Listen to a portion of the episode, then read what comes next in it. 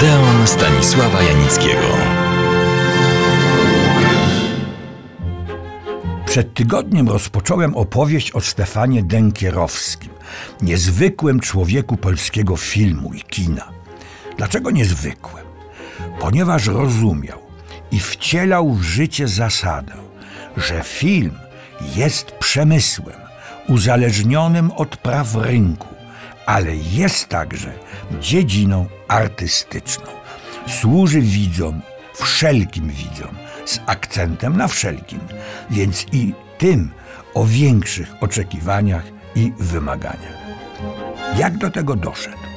Nie wyczytał tego, nikt mu tego nie powiedział, ale doszedł do tego wniosku własną pracą, doświadczeniem, które gromadził przez całe życie, od samego początku. Dla porządku najpierw. Urodził się w 1893 roku w Warszawie. Zmarł już po II wojnie światowej w 1975 roku. Miał 82 lata. Urozmaicone, a nieraz i burzliwe to były lata.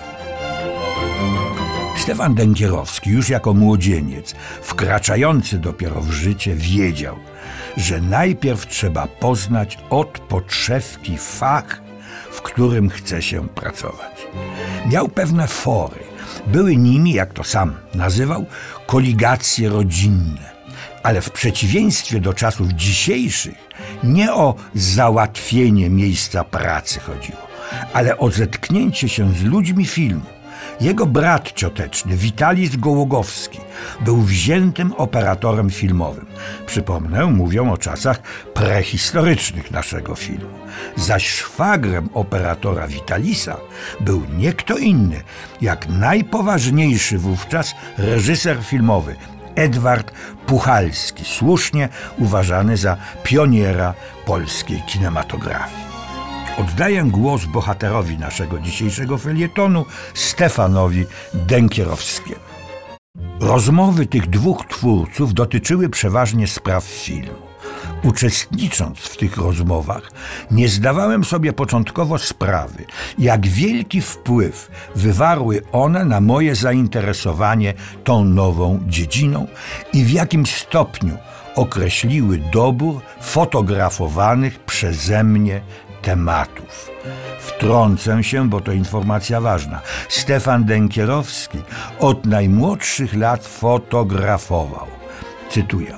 Już po zajęciu Warszawy przez Niemców, wyjaśnię, że chodzi o zajęcie Warszawy przez wojska niemieckie w czasie I wojny światowej, wybrałem się w odwiedziny do Witalisa Gołogowskiego celem zaprezentowania mu ostatnich moich fotografii.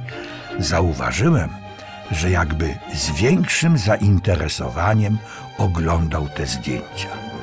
Rezultat? Propozycja pracy w wytwórni Sphinx. Zupełnie. Sphinx był wtedy, w tych pionierskich latach filmu niemego, najpoważniejszym polskim ośrodkiem filmowym, produkującym, realizującym i rozpowszechniającym filmy. To w tej firmie przeszedł Stefan Denkierowski prawdziwą szkołę filmową. Zaczęło się od noszenia kamery. Potem operator nauczył mnie ładowania taśmy negatywowej do kaset i zakładania jej do kamery. Kamera uruchamiana była korbką. Trzeba było nabyć trudno osiągalnej wprawy, żeby jedną ręką wprowadzać w ruch kamerę, a drugą prowadzić kamerą równo panoramę. Ale i tę umiejętność z czasem osiągnąłem. I co więcej, zapoznałem się, wspominał Stefan Denkierowski, z działalnością brygad elektryków, oświetlaczy, stolarzy, malarzy i innych pracowników zatrudnionych przy realizacji filmu. Wtedy właśnie Stefan Denkierowski brał udział w realizacji filmu Arabella z Polą Negri. Był też przy debiucie i realizacji pierwszych filmów z naszą późniejszą wielką gwiazdą Jadwigą Smosarską. Codzienne zajęcia w wytwórni, cytuję Stefana Denkierowskiego, poszerzały mój horyzont wiedzy i znajomości techniki filmowej. Coraz bardziej wciągały mnie i urzekały obrazki ruchome. Dękiarowski starał się być i pracować wszędzie tam, gdzie działo się coś ciekawego i kształcącego. Co równie ważne i charakterystyczne, Stefan Dękierowski, przyszły boss polskiej kinematografii, ma w swoim życiorysie i kartę aktorską. Nie tylko w teatrze amatorskim, ale i zawodowym. I to mu się przydało, kiedy w 1921 roku przystąpił wraz z dwoma innymi zapaleńcami, Adamem Drzewickim i Franciszkiem Zendramem Muchą, do realizacji samodzielnego filmu Tajemnice nalewek. Tak ten wyczyn wspominał. Trzeba było nie lada samozaparcia, żeby w tak trudnych warunkach doprowadzić realizację filmu do końca. Dękierowski dodaje, że dzisiejsi, czyli ówcześni młodzi filmowcy nie zrozumieją tych warunków, bo nie ponoszą żadnego ryzyka finansowego.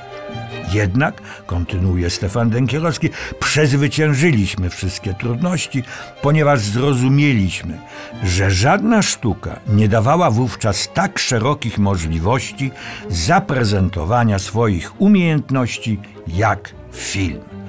Takie były początki, a o dalszej niezwykłej karierze Stefana Dękierowskiego opowiem za tydzień.